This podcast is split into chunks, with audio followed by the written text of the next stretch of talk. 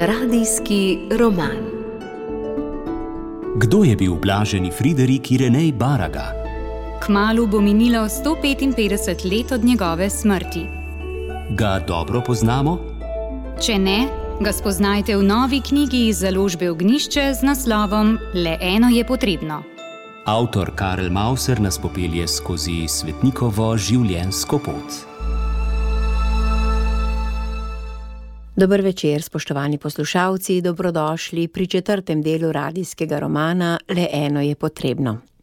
V prejšnjem delu smo slišali namero, da bo Janez Baraga kupil Trebanski grad. Njegova žena Katarina se s tem ni čisto strinjala. In prejšnji del smo končali s koncem njunega pogovora. Nobene besede ni več rekla. Vstala je, dala knjigo na nizko omaro in se začela slačiti.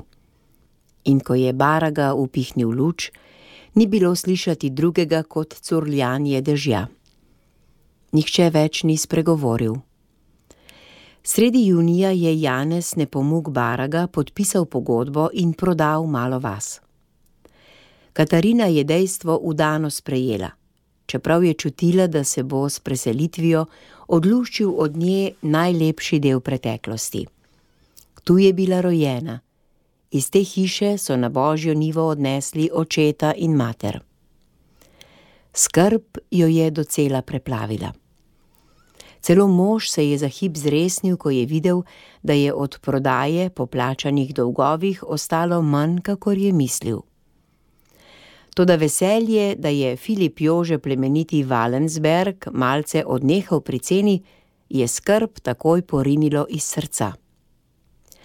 Zadnja cena je bila 44.500 goldinarjev. Ostanek od prodaje malovaške posesti je bil 4200 goldinarjev in Valensberg je bil zadovoljen s tem naplačilom. Tudi v pogodbi se je zvesto držal ustnega dogovora. Grad mora biti izplačan v 12 letih in do leta 1802 ostane v gradu za oskrbnika Anton Lakner. Bilo je mučno slovo, ki ga pred možem ni želela pokazati. Hotela je oditi zadnja. Neža s Francetom je odšla prva. Poslednjič je šla še v kapelo in tu, ko je bila sama, bruhnila v jok. Toliko lepega je bilo tu, toliko skritega, celo odločitev za Janeza je sklenila v tem prostoru. Zdaj pojde vse v druge roke. Dvignila se je šele, ko je mož prišel po njo. Vzelo mu je glas, ko je videl njene solzne oči. Katarina verjemi, da mislim na vse. Fric mi bo nekoč hvaležen in malči se ne bo poročila praznih rok, kadar bo prišel njen čas. Ne mislim samo na se, verjemi. Saj verjamem, je rekla tiho. In kakor da hoče v resnici prepričati samo sebe, še ponovila: Saj verjamem. Čeprav je bila nekajkrat v Trebanskem gradu, se je to pot ustavila ob sfingi pred vhodom. Pravijo, da to pomeni uganko, kaj ne? Tako je menda zapisano, je rekel smeje. Mislim, da ji je človeško hrepenenje zelo podobno, je rekla resno. Toliko hočemo in niti ne vemo, če nam je najbolj zaželeno tudi v resnično srečo. Bilo mu je nerodno, pa vendar se je nasmehnil. Katarina, preveč bereš iz zvestega tovarša. Tudi zemeljski del človeškega življenja je nekaj vreden. Saj zdaj je vse mimo, je rekla Katarina. Kakor da se je moževim besedam nalašč ognila.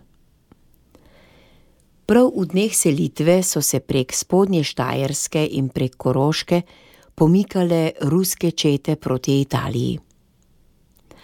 Vodil jih je veliki general Suvorov.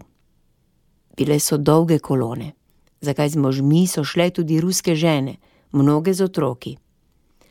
Le tiste, ki so obnemogle, so obstale na Koroškem.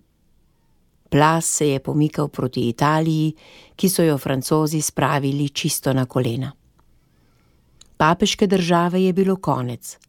Francozi so jo spremenili v Rimsko republiko in papež, starček P6, je moral v pregnanstvo. Napoleon je zasedel Egipt in sanjal o veliki slavi. Prvi ruski uspehi so vzbudili zavist pri Angležih in tudi avstrijski cesar Franz II. jih je gledal z nezaupanjem. General Suvorov je čutil zaviranje in užaljeni ruski car je odpoklical vojsko in izstopil iz zveze.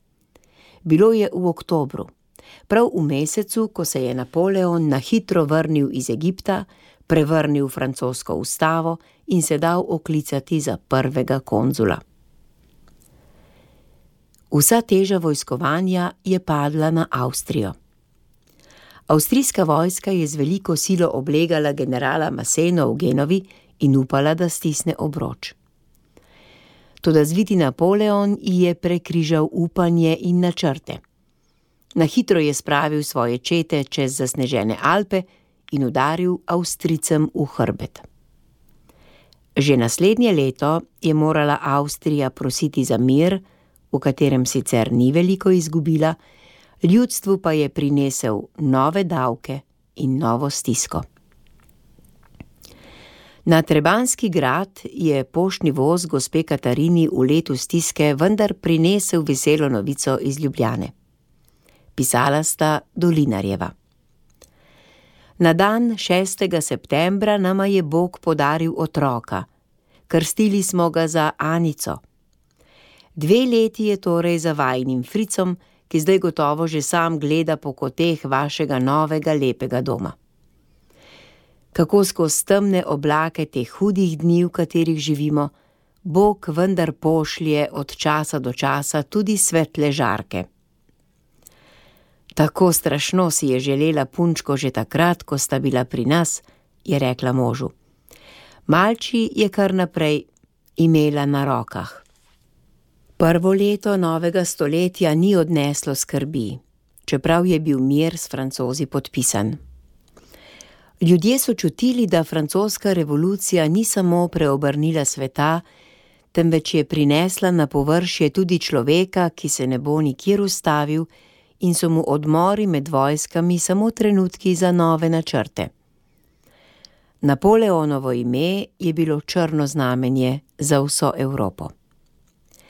Negotova prihodnost in prazna avstrijska državna blagajna sta povzročili, da so začeli ljudje skrivati srebro in zlato, srebrnega goldinarja nihče ni hotel dati iz rok, še kovani drobiš je skoraj docela izginil. Država je tiskala papirnat denar, ki pri ljudeh ni imel veljave. Prodajalci so hoteli plačilo v kovanem denarju kupovalci so ponujali papirnatega. Cene so začele rasti, se podvojile in potrojile, in nastala je draginja, ki ji ni bilo videti konca. Nihče namreč ni verjel, da bo mir za dolgo, in ko so časopisi prinesli novico, da so francozi izvolili Napoleona za dosmrtnega konzula, so vsi vedeli, da se vojska spet kuha. Napoleon je gledal proti Dunaju. V veliki in lepi stolpni sobi svojega gradu je tudi Janez Baraga premišljal trde spremembe. Ženo gospodarskih težav ni rad načenjal, čeprav je vedel, da je odhod iz malovaškega dvorca prebolela. Bila je kakor pajčevina, rahla in prosojna. O gospodarstvu je govoril pravzaprav le z oskrbnikom Laknerjem, ki pa mu je službena doba, ki je bila določena v pogodbi, že potekla.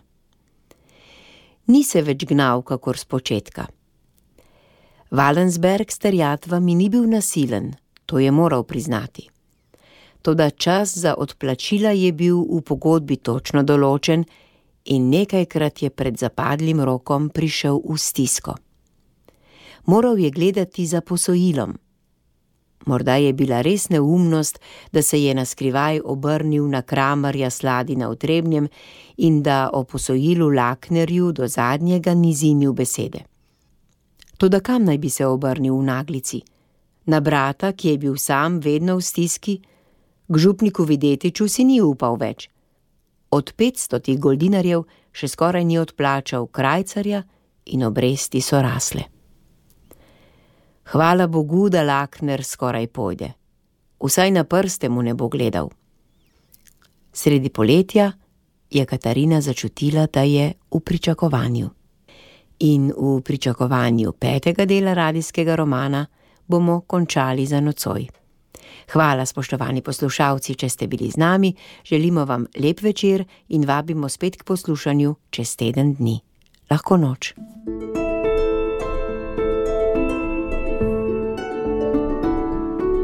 Radijski roman.